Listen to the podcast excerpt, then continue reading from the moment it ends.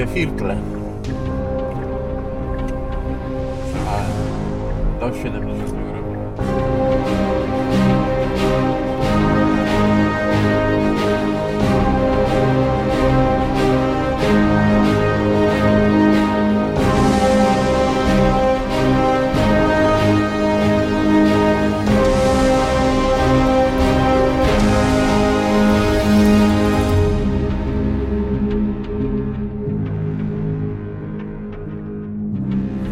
Mamy Szamarzowskiego, to jest ulica, na której mieszkałeś. Tam. Trzecia ulica, prawda? Trzecia, o, oczywiście. Uwaga, stój. A Max Schubert sławny mieszkał na prawo ode mnie. We mnie się nie zaczynał, bo ja byłem do niego smarkacz w tym czasie, ale rzeczywiście niesłychanie atletycznej budowy facet. Postrach, postrach tutaj ty, tych rejonów. Rzadko kto od niego po mordzie nie dostał. Moja ciotka mieszkała. Wiesz kto był jej najbliższym kuzynem mojej ciotki chrzestnej? Rosalia Wojtyniak z domu Ratajczak. Franciszek Ratajczak, pierwszy poległy powstaniec wielkopolski, który ma ulicę w centrum miasta. No To proszę. był jej bliski kuzyn. A, a zatem mój wujek, którego oczywiście nie znałem. No to mi się podoba w Twoim życiorysie, że Twoje losy krzyżowały się ciągle z jakimiś ciekawymi ludźmi, czasami mrocznymi, jak na przykład z Bielajem. No tak, no. Przyznaję, przyznaję, tak, no straszny. To jeden z bardziej strasznych ludzi. Nie wiem, czy nie straszniejszy, powiem tobie od, od Kolanowskiego. Ty wiesz, ile on ludzi nas zamordował? No tego nie. O. Nie wszyscy wiedzą ile. On miał grupę taką operacyjną bandycką Ukraińców i, i jakichś bandytów, którzy grasowali zaraz tuż po, po wojnie. No i, i dosłownie no, bandyckie napady robili, mordowali ludzi.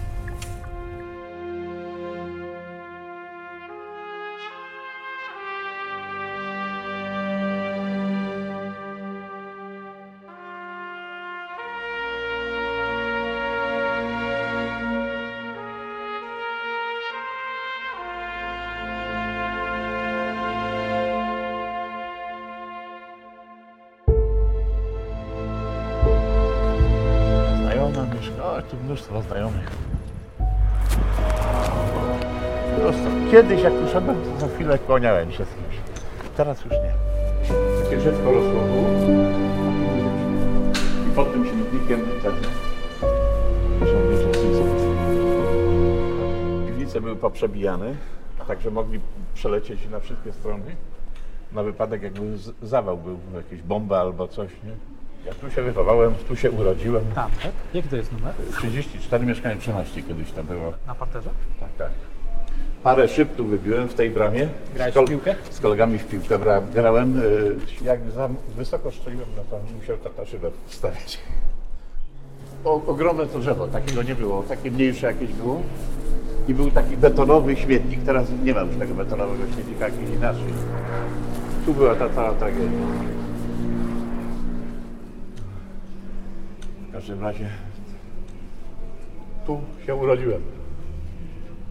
Wyprowadziłeś się stąd 50 lat temu. 50? Ponad lat temu. Ponad 50 lat temu. Tak, tak. Tam się urodziłem, w tych ostatnich dwóch oknach. Tam było takie duże łoże małżeńskie.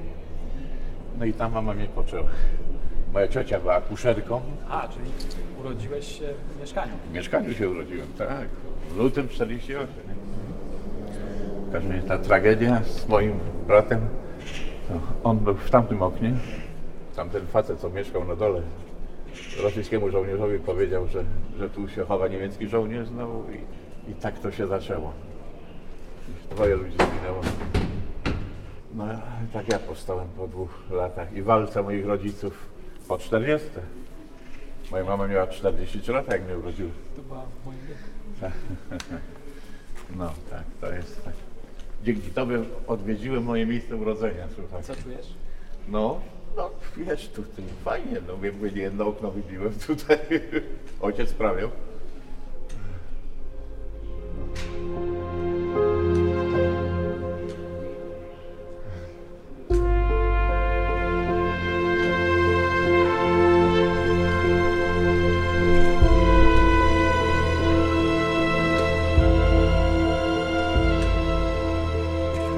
Dużo wspomnień. 22 lat.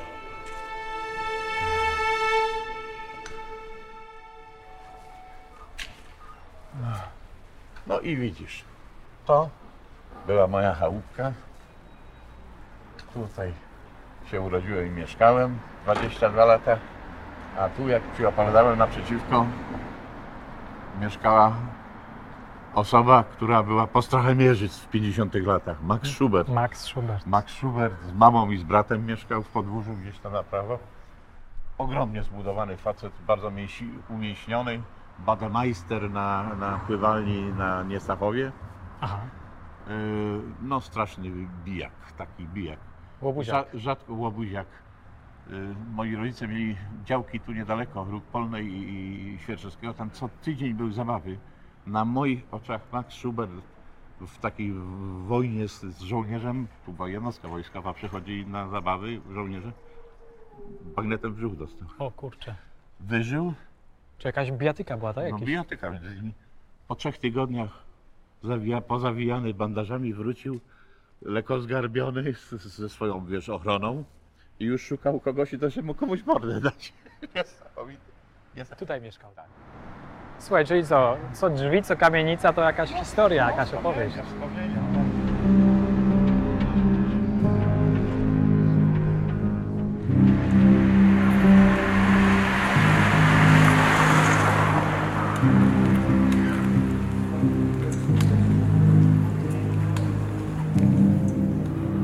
Jedziemy w miejsce, gdzie prowadziłem jedną z pierwszych swoich spraw. I dużych spraw. Dużych. Druga połowa lat 70. Oceniam, że to było gdzieś y, 78 plus minus 1. Aha. Jak to się zaczęło? Y, prozaicznym zgłoszeniem y, włamania.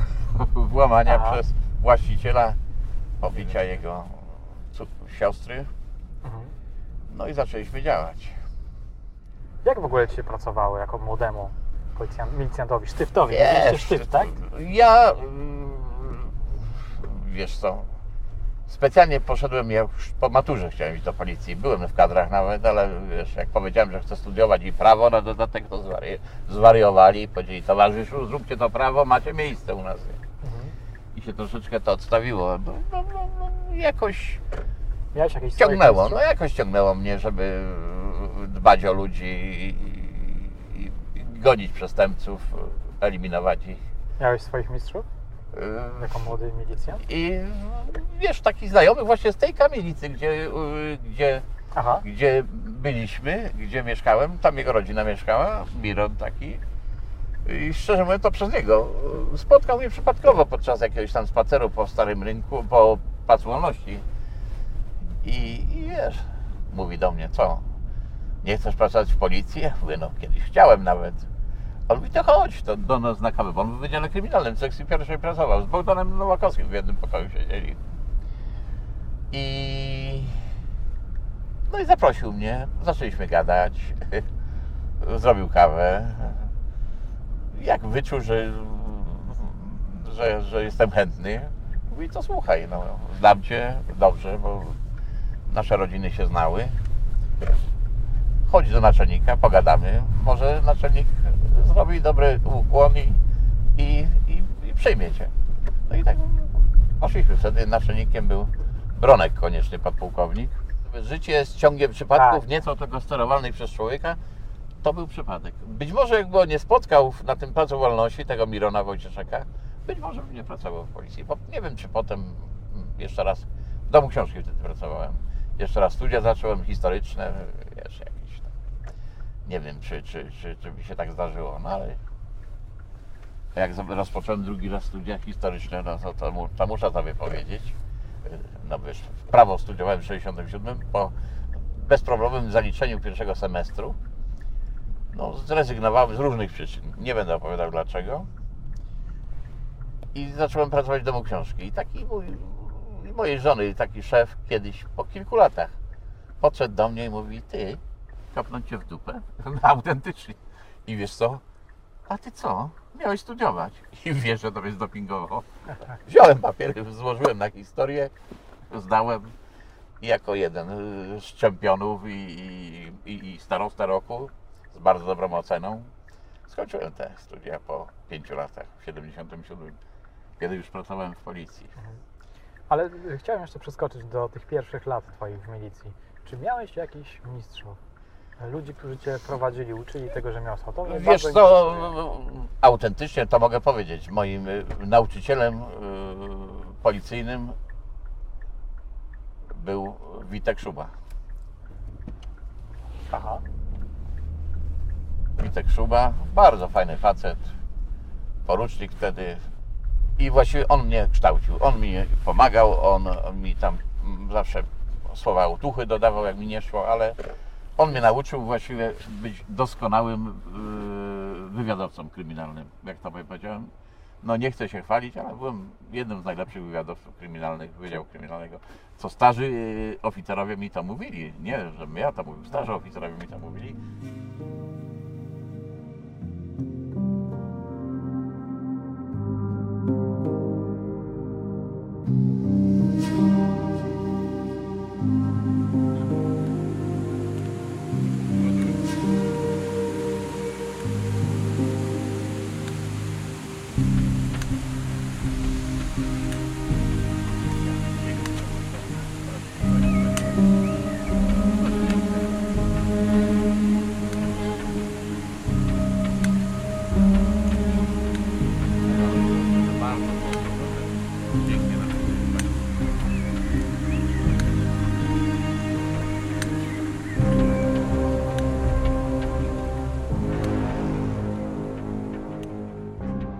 Chciałem wrócić, Romko, jeszcze do tej Twojej pierwszej, dużej e, sprawy.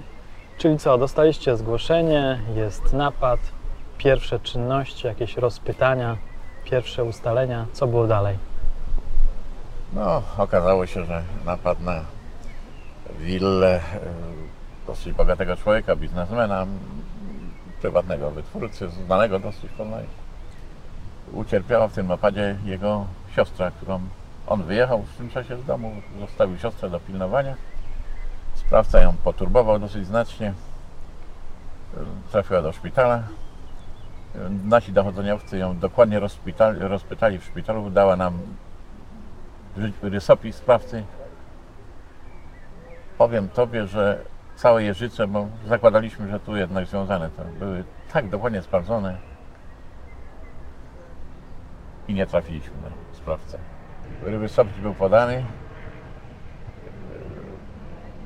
Biegaliśmy ile mogliśmy, sprawa zaczęła ucichać, bo no, no, nie mogliśmy trafić na, na sprawcę. Po dwóch tygodniach ta si- siostra tego właściciela zmarła w szpitalu. No więc coś innego. Dzisiaj można powiedzieć, że napad rabukowy no, została bardzo potulowana, zepchnięta ze schodów. Mhm. Starsza pani po 70. I sprawa się przycichała. Prokuratura już, już ją chciała umorzyć. No bo nie mogliśmy być na sprawcę. I w pewnym momencie na adres komendy miejskiej po- policji przyszedł anonim. Anonim yy, z pieczątką pocztową Kościan. Aha. W Kościanie mieszkała ta poszkodowana siostra. Siostra poszkodowana. Siostra tego właściciela budynku. Aha. On też zresztą pochodził z kościoła. Więc zacząłem biegać koło tego. Yy, zrobiłem rozpoznanie budynku, w którym mieszkała ta zmarła siostra właściciela. Niewiele, to był, nie, nie był duży budynek. Wszystkich mieszkańców mi policja kościańska znalazła. Tam na dole jakaś rodzina mieszkała, tam było mieszkanie tej siostry. I gdzieś tam na, na, na skraju tego jeszcze jakaś starsza pani jedna mieszkała. A ja sobie mówię, jedź do tego kościana i uderz do, do tej starszej pani. I wiesz, że to był strzał w dziesiątkę. Nos prawdziwego szkieła. Tak. Dojechałem do Poznania, do, do Kościana delikatnie, bo to cichutko, ładna, mała chatka, nie? Dzwonię do tej pani i po cichu mówię, porucznik taki i taki z komendy miejskiej w Poznaniu. A ta patrzy na mnie i mówi, a skąd pan wie, że to ja? Ty wiesz, jak się ucieszyłem? Skoczyłem pod niebo prawie. A skąd pan wie, że to ja? Czyli okazało się, że ona była autorką tego anonimu. autorką to się okazało, bo zaprosiła mnie, dokładnie mi opisała wszystko, że ta nie mogła wytrzymać. Wprowadziła nas w błąd, ta e, zmarła, gdyż ona rozpoznała sprawcę. się okazało. I żeby jej nie zabił, na Boga obiecała mu, że go nie wyda do, do, do śmierci swojej. I, nie, Mhm. I nie wydała mu po tej powiedziała, że dopóki żyje tej koleżanki nie ma nic jemu zdradzać. A jak umrze, to niech robi co chce, wiesz. I tamta też, ta starsza pani poczekała, jak ta umarła, dokładnie wszystko opisała, co od niej słyszała i wysłała nam ten anonim. I przez tę moją działalność i taki mały nosek policyjny trafiłem na nią. Wszystko dokładnie powiedziała, nawet jeszcze szczególiki opowiedziała. Tak wiedzieliśmy, kto jest sprawcą. I kto był? Sprawcą był pracownik tego Przedsiębiorcy. przedsiębiorcy. Jeszcze człowiek z takim artystyczną duszą, który robił mu, gruntował mu obrazy do malowania, bo on jeszcze malował re, reprodukcje starszych, starych mistrzów. Bardzo ro, dobrze to robił. Ten przedsiębiorca Przedsiębiorca pięknie to prowa- robił. mhm, prowadził taką działalność artystyczną. Artystyczną, tak, tak. Tak? I ten sprawca I sprawca był jego pomocnikiem. by- bywał w tym domu, wiedział gdzie są pieniądze, chciał tylko wejść, wziąć pieniądze. To miała być zwy- zwykła kradzież z, z łamaniem, a się okazało, no wiesz, Zakończyło się tragicznie. tragicznie się zakończyło i Ale udowodniliście mu to? E, nie, no bo nie mieliśmy żadnych dowodów. Nie było żadnych śladów linii papilarnych, był w rękawicach, był w kapturze. Zdarła mu kaptur ta, ta, ta i rozpoznała swojego znajomego. On mieszkał w tym samym domu tam, w Kościanie. Zrobiliśmy kombinację operacyjną, słuchaj, która wynikała na gwałt, zwinięciu go i ostrym zaatakowaniu, że my wszystko wiemy, wiesz. Nie udało się. Nie udało się. Nie udało się. Mimo, że parę prób jeszcze takich robiliśmy ostrych, prokuratura nie chciała iść na proces poszlakowy, tylko bo ta pani nie chciała iść do sądu, a nawiasem mówiąc, ta pani nie mówi, nie, no przecież to jest mój sąsiad, no, No tak. no to zabije mnie albo coś mi zrobi krzywdę i, i, i, i pomimo kilku innych jeszcze prób był twardzie niesamowity. Nie udało, prokuratura powiedziała, że nie zrobi procesu poszlakowego i po jakimś czasie umorzyła sprawę, mimo że faktycznie czarno na biało było, kto to zrobił. Także sprawa dla nas się zakończyła, można powiedzieć, porażką. Chociaż Ale taką ciekawą porażką. ciekawą prawda? porażką, ciekawą porażką, ale no, ja byłem zniesmaczony jednak, nie powiedziałem Ci już dokładnie kto to był, że ten jednak, mimo że był aresztowany, siedział w areszcie ten sprawca dwa miesiące bodajże, czy trzy. Prokuratura go zwolniła i ten pracodawca go z powrotem przyjął do pracy. Ciekawe. No, powiem Tobie, jak się dowiedziałem o tym, to zniesmaczyłem się bardzo. I to była Twoja pierwsza duża sprawa. Pierwsza duża sprawa zakończona niestety porażką, ale wieloma ciekawymi no, ustaleniami. A czego, czegoś się nauczyłeś? No, no, no, no, no, przede wszystkim intuicję mieć, intuicję. No, no, no, to moja intuicja doprowadziła mnie do tego, że strzał był przepiękny. No, No tak, Trafić w autora anonimu za pierwszym strzałem, to jest, to jest niesamowite coś. to prawda. To jest niesamowite coś. Także, no widzisz, to pod, pod bokiem Witka Szuby, mojego nauczyciela akademickiego, policyjnego. Fajny człowiek, nie żyje już dzisiaj. Dużo mnie nauczył. Bardzo fajny był człowiek, taki, można powiedzieć, tatuś. Łowił ryby piękne. Yy, był kumplem faceta, który złapał Bielaja.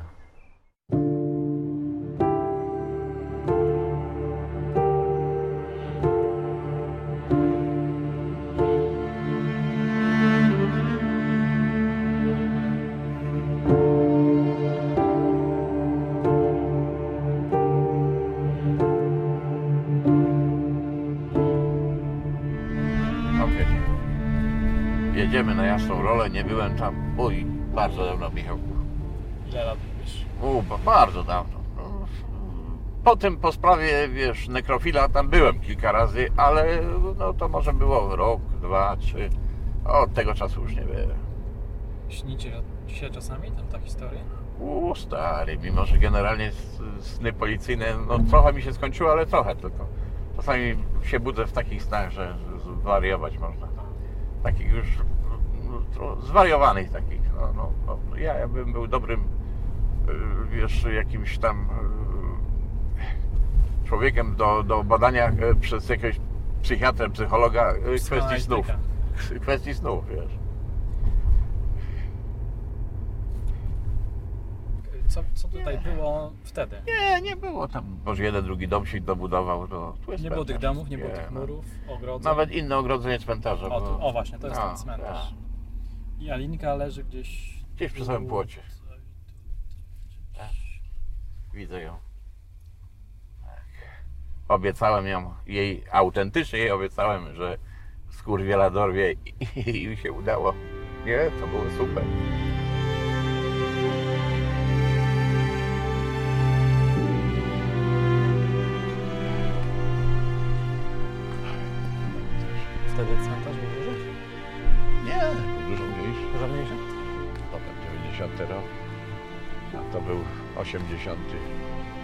83 jej pogrzeb.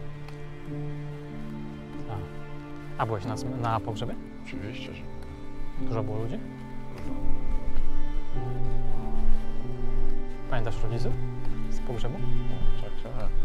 Chociaż więcej mi utkwi w głowie z pierwszego dnia procesu, który też poszedłem. Patrzyłem, czy tata nie ma za, za pasem jakiejś siekierki czasami.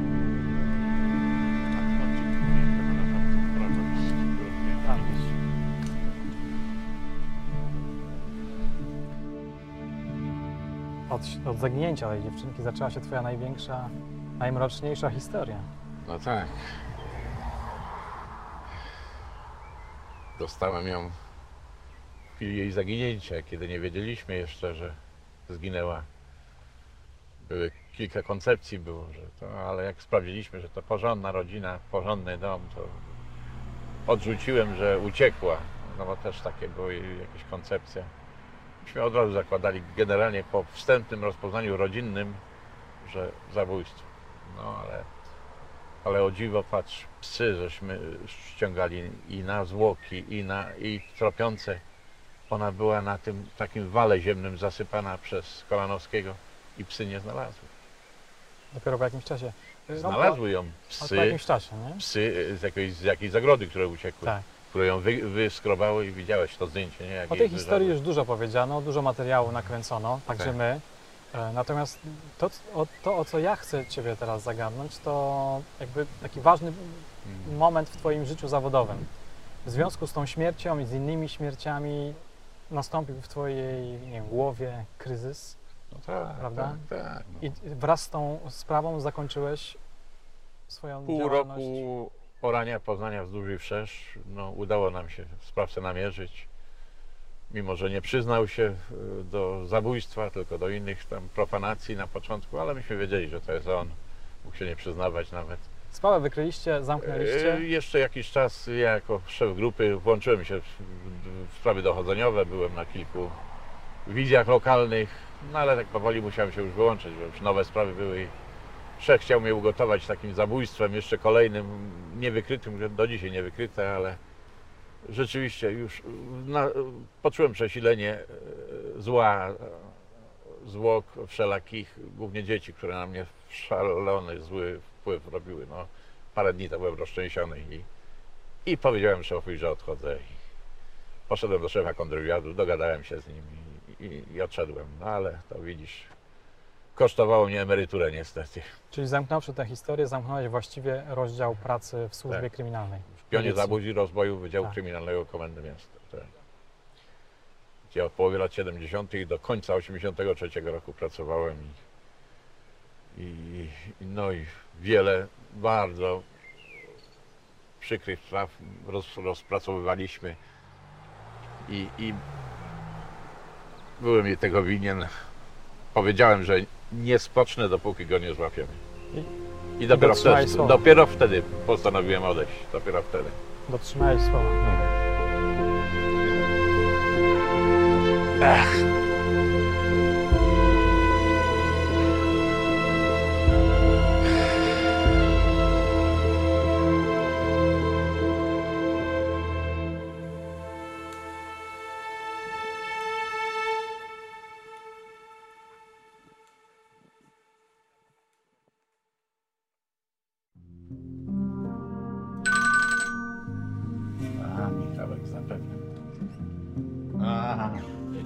serdecznie, witam pana redaktora. Zapraszam. Jak forma? Forma dobra, byle tak dalej. Gotowy na snucie opowieści? Gotowy. Silny, sprawny. Zapraszam. Dzięki.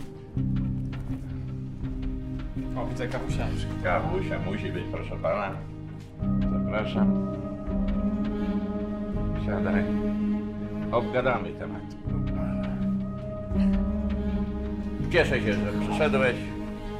Jak zdrówko, Romku? No, mogłoby być lepsze, ale, No tak. ale w tej sytuacji to ja jestem zadowolony. Wszystko dobrze, bo nic się nie boli dzisiaj? Nie, z kwestii bólowych to ja raczej nie mam. Kwestii zaburzeń czuciowych mam Aha. i równowagi, to jest najgorsze. Cierpisz na polineuropatię. Poli- Pogłębiające się zaburzenia czuciowe, no będą się starali przyczynę sprawdzić. Przyczyn jest według medycyny około 12. Aha.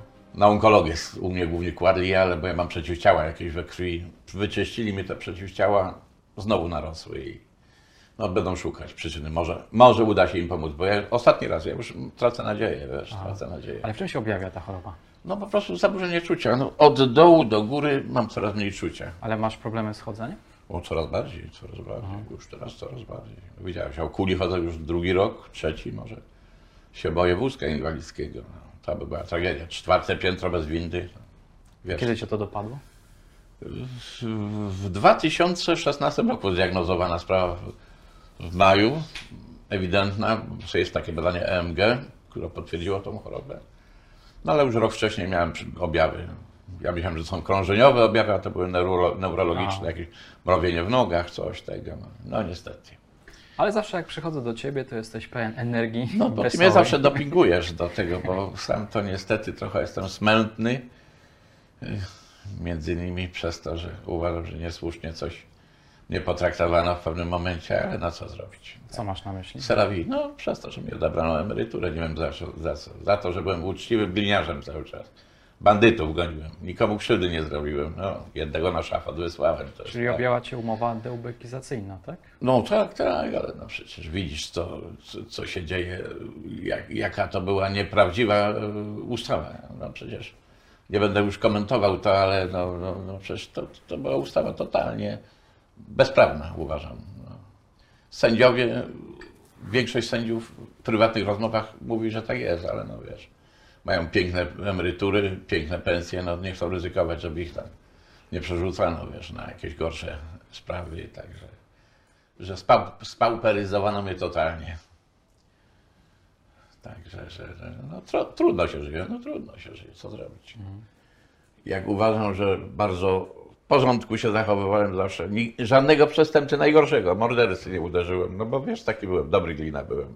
No też warto powiedzieć, że jesteś oficerem, który prowadził jedną z najważniejszych spraw w powojennej Polsce. No. Myślę tutaj o sprawie Edmunda Kolanowskiego. No, tak się Powinieneś zdarzyło. dostać jakąś za to nagrodę dożywotnią. Dostałem, dostałem nagrodę.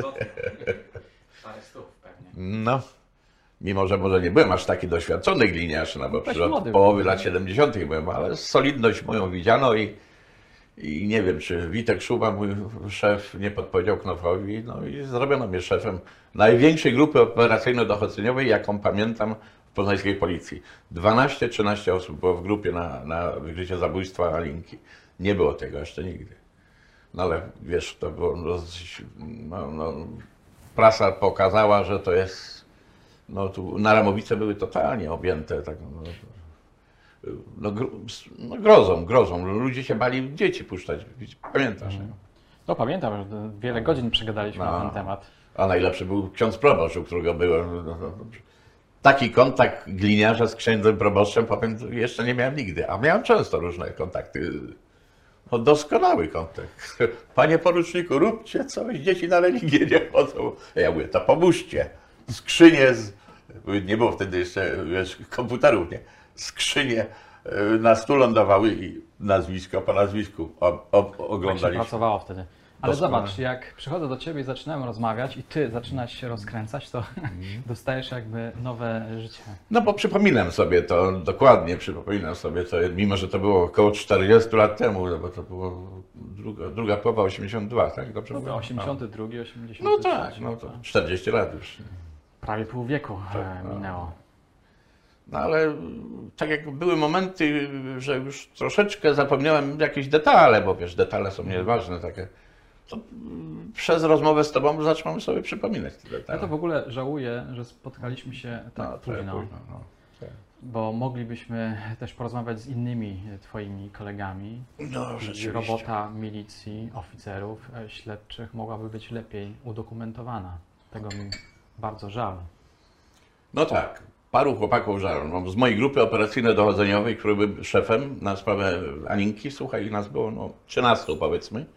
No żyje w tej chwili ja i dwóch, chyba dwóch, może trzech, który nie mam kontaktu. No. No, Sobczak, Baranek, No z Sobczakiem tutaj A, siedzieliśmy a, a. przy whisky, rekonstruowaliśmy akurat o, oni go trafili na cmentarzu, do, doskonale akurat tak. Słuchaj, ja chciałem Ci zadać jedno pytanie, bo ono chodzi mi po głowie już od, od, od dawna. Rozmawiałem na ten temat z różnymi innymi y, oficerami. Jestem ciekawy, jak to było w Twoim przypadku. Tak. No miałeś dość bujną służbę. Najpierw y, kryminalną, potem w kontrwywiadzie, o tym będziemy rozmawiać później. O kontrwywiadzie nie będziemy rozmawiać. O momencie przejścia, A, przejścia, tak. pewnie będziemy przez chwilę mm, rozmawiać, bo to jest bardzo ciekawe, bo to też jest ważny moment w Twojej historii, ale interesuje mnie, jak to mm, było, kiedy przechodziłeś na emeryturę, kiedy przestawałeś być oficerem, a stawałeś się cywilem, no i potem No, byłeś cywilem. Trochę trudna sprawa. Trudna.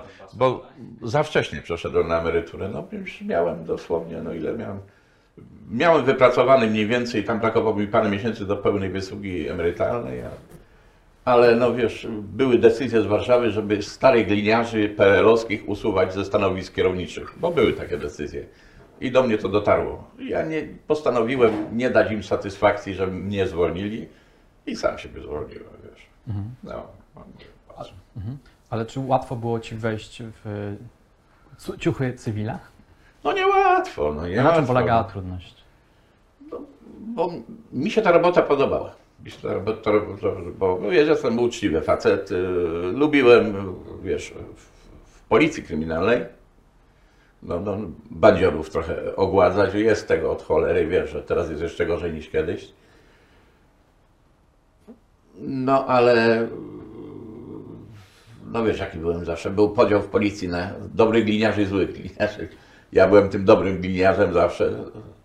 Tak, tak, ale chodzi mi o to, co Ci trudność sprawiało, kiedy przestałeś już pracować. Co, no, Kolega mi kiedyś opowiadał, oficer, że musi, musiał uczyć się życia na nowo, nauczyć się rodziny na nowo. Tak, tak. No ja no, ostatnie moje 5 lat byłem poza rodziną, słuchaj. No, Bo sobie zdałem sprawę, Franczyk, szef Urzędu Ochrony Państwa w Poznaniu, poprosił mnie, żebym pokierował placówką w Gorzowie.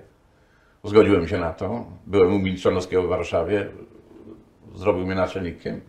I ja no, jednak mówiłem sobie tu, bo cały czas człowiek jednak myśli idź, rób, działaj, będziesz miał trochę lepszą emeryturę.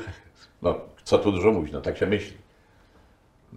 Trudna była, cholernie robota tam w tym Gorzowie. bo Ja w Gorzowie 5 lat byłem szefem przecież placówki Urzędu Ochrony Państwa. No ale widziałeś to jak. ale w pewnym momencie musiałeś to porzucić. Musiałem porzucić, bo ja widziałem, że po prostu starych gliniarzy postanowili usuwać już, nie? No to ja mówię, sam się usułem. Słuchaj, jak tak się zagłębiamy w Twoją historię, to chciałem Cię jeszcze zagadnąć, póki jesteśmy w- tutaj u Ciebie w mieszkaniu, zagadnąć Cię o Twoją przeszłość, taką naj, naj, najdalszą, najbardziej odległą. E, Chciałem Cię poprosić, żebyś pokazał e, album ze zdjęciami i opowiedział, przypomniał historię z- tragiczną swojego Okresu wyzwolenia Poznania przez Rosję. O, tragicznie.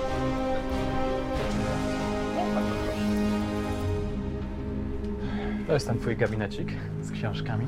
Tak, i z- ze zdjęciami. No właśnie. Tu mam kilka takich rodzinnych, fajnych, starych zdjęć, między innymi tego braciszka. Właśnie, jak ja miał tylko na imię? tobie. Januszek. O. Proszę bardzo. Ile on tutaj ma? Roczek? Nie wiem. Czuł jest malutki, jak się urodził w 36, a to jest, myślę, że krótko przed śmiercią, parę, mies- 44, przełom 45 roku gdzieś. Jak to się stało? No, straszna tragedia. Postaram się w skrócie opowiedzieć. Rosjanie okrążają Poznań. Niemcy szykują się do ewaku- ewakuacji Poznania. Rosjanie zamknęli w kotle Poznań i akurat Jeżyce Szamarzewskiego są od strony zachodniej. Czołg niemiecki, rosyjski T-34 podchodził pod skrzyżowanie Pol, Polnej i Szamarzewskiego. Jeszcze dał, bo ludzie siedzieli już po piwnicach, no, Aha. siewali. A może muszę się cofnąć jednak. Nie wiem dokładnie kiedy to było, kilka godzin czy poprzedniego dnia. Do piwnicy wpadł żołnierz niemiecki z karabinem. I zaczął się rozglądać i zaczął mówić po niemiecku, że on nie jest Niemcem, jest Austriakiem z Wiednia, że e, go na siłę wzięli do, do, do, wojn, do wojska. że ma w Wiedniu żonę i troje dzieci i tak płakał, i że nikomu krzywdy nie zrobił, że on chce przeżyć wojnę dla rodziny. I ojciec, perfekt po niemiecku mówiący, do Niemki, która siedziała obok Felauka, Felau albo Felauka, y, mówi, słuchaj, pomożemy mu? No, pomożemy mu. Zdecydowali, wysłał ją do domu po rzeczy swojego syna z Waffen-SS, zginął na froncie wschodnim. Przyniosła te rzeczy, przebrali go, ojciec jego karabin, mundur gdzieś tam schował i siedział z nimi. A jak już Rosjanie e, minęli naszą kamienicę, trzy, trzy tam kamienice od Polnej, Rosjanie, e, żołnierze zaczęli się rozbiegać po podwórkach i szukać Germańców. Ale oni wjechali czołgami? Nie, nie było szans. Czołgi szły prosto tam, ale Rosjanie się rozbiegali. I na nasze podwórko jeden czy dwóch wpadło i ojciec powiedział, że nikt by o tym nie wiedział i byłoby ok. Ale jakiś kurwiel, że prze- brzydko się wytnę, który całe y, wojny podo- pomagał Niemcom podobno, Kinshuber się chyba nazywał, mieszkał gdzieś tam na froncie, podszedł do tego czerwonoarmisty i, i zakablował mu, że Wojtyniak i Felauka trzymają żołnierza niemieckiego w piwnicy. Wpadł, wyciągnął tego żołnierza, nic mu szczę- nie zabił go w każdym razie, ale tą Felaukę wyciągnął, tą Niemkę, słuchaj, pod y, taki śm- śmietnik był na środku podwórza i z pepeszy normalnie dał jej tego i Zabił ją. Zabił ją. I ten mój braciszek był w oknie, bo akurat na parterze rodzice mieszkali. Ten Januszek. No w szoku, dosłownie dostał taki szok, widząc sąsiadkę w, w krwi leżącą i jeszcze rozglądał się ten Rosjanin za ojcem, słuchaj. A. Ojciec zwiał na ostatnie piętro, przeskoczył w dach, położył się mój za kominem i tam leżał jakiś czas, dopóki sprawa się jakoś nie roztego. Myślisz, żeby go zabił? Całkiem możliwe, całkiem możliwe. No rozglądał się za nim. Y, Tego Niemca wyprowadzili, y, potem oficerowie rosyjscy jeszcze przyszli, no wiesz, że łazili po mieszkaniach, szukali Germańców, kradli jak cholera, to jest inna strona medalu. I tak, y, tak sprawa, y, braciszek, słuchaj, parę dni poleżał w łóżku, dostał chyba jakieś zapalenie opon mózgowych, czy zapalenie płuc chyba. Nie było lekarzy, nie było niczego, no i zmarł po kilku dniach, niestety. No i to była taka z tragedia. jakiegoś że- szoku, tak? w szoku takim zmary, że parę dni po zakończeniu wojny w Poznaniu był jego pogrzeb. Rodzice, no tak, moja mama 15 lat płakała po nim. No ale że chcieli drugie dziecko, bo mieli syna drugiego, jeszcze mojego brata z 45 roku, pier- z 41 roku. No starali się, mama raz porodziła, podobno po wojnie drugi raz porodziła, no i w ósmym się jakoś urodziłem, no jestem. Śmierć tego mojego brata, widzisz, tragiczna śmierć. No, chodzę na jego grób co rok i, i rozmawiam z nim. A gdzie leży? Na jakim Na cmentarzu? jeżyckim cmentarzu, no, to był taki nas na Nowinie. I... No i taka tragedia. Człowiek, który widzisz, nie wiem co on przeżył, nawet chyba jego nazwisko pamiętam, ale nie będę mówił może ten skórkoja, jak to się doprowadził do tragedii, że niepotrzebnie Niemka zginęła. No dobra kobieta była podobno, nic nie szkodziła Polakom. Yy, tego Austriaka prawdopodobnie też zabili, bo ojciec y, się dowiedział, też nie wychodził jakiś czas, że cywil niemiecki leżał zabity róg Polny i Szymańskiego. No Prawdopodobnie też go zabili. Chociaż chciałem się jakoś dowiedzieć, może jakiegoś historyka y, z ambasady y, austriackiej ustawić, żeby może to zbadali, bo Niemcy byli perfekcyjni. Składy osobowe Wehrmachtu poznańskiego na pewno im by były tam gdzieś dostępne. Jakby się ten człowiek uratował, to byłaby dla mnie, wiesz, największa nagroda za to wszystko. Że takie straty, brata straciłem, Niemka życie straciła, człowiek się uratował, ale prawdopodobnie nie. No muszę Ci powiedzieć, że losy Twojej rodziny są bardzo barwne i pokręcone. Michałku, Tak? jeszcze jedną historię mojego ojca. Chcę Tobie opowiedzieć poza sprawą 45 No roku. pewnie. Wo- Jest wojna, 41 czy drugi rok. Ja się to o tym dowiaduję oczywiście kupę lat po wojnie. Kuzynka mi mówi, że twój ojciec był, działał w ruchu oporu i był odważny. Ja nic o tym nie wiedziałem. Idę do ojca i pytam go, mówię, ojciec, co ty, w ruchu oporu działałeś? A on mówi, nie. Pracowałem w niemieckiej firmie Landwirtschaftliche Produktionsgenossenschaft y, na ulicy dzisiejszych Gąsiorowskich. Został skierowany przez Niemców, Arbe- Arbeitsamt i naprawiali tam niemieckie samochody. Porąbane na wojnie jak cholera, wiesz, no naprawiali. A że ojciec perfekcyjnie znał język niemiecki, yy, miał dobre układy tam z inżynierem i miał takie coś, że jak skończył naprawę samochodu, mógł na Poznań wyjechać i objechać go. A to były niemieckie samochody wojskowe, słuchaj. od jakiegoś Niemca glapę załatwił sobie, a że perfekcyjnie znał język niemiecki, od, od rodziny zbierał pieniążki i podjeżdżał sobie pod sklep Nurfir Deutsche, słuchaj, niemiecki samochód. Jakiś oficer z glapą wychodził, wchodził na bezczelnego do sklepu Nurfir Deutsche i kupował e, dla rodziny e, głównie mięso. Bał się, mówił, jak cholera, witki mu latały, bo mówił, jakby go na tym dorwali, to tam No no tak. Oświęcim jest murowany albo coś pewnie. I słuchaj, i tak udało mu się wielokrotnie Niemców oszłabić i w tych Nurfir Deutsche kupować dla, dla rodziny towary. No i, i, I było zadowolenie, nie? ale bezczelny był jak cholera. I e, ryzykant. Ryzykat, tak. Przejąłeś coś po nim? No nie wiem, też jestem spokojny, ale też może ryzykant nieraz. To co, jeszcze jedną historię? No.